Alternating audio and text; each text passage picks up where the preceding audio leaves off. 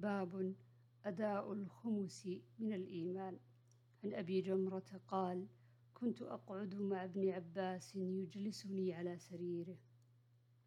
فقال أقم عندي حتى أجعل لك سهما من مالي. فأقمت معه شهرين. ثم قال إن وفد عبد القيس لما أتوا النبي صلى الله عليه وسلم قال من القوم؟ أو من الوفد؟ قالوا ربيعة قال مرحبا بالقوم أو الوفد غير خزايا ولا ندامة.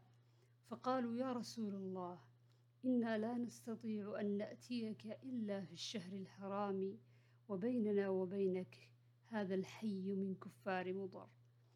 فمرنا بأمر فصل نخبر به من وراءنا وندخل به الجنة وسألوه عن الأشربة.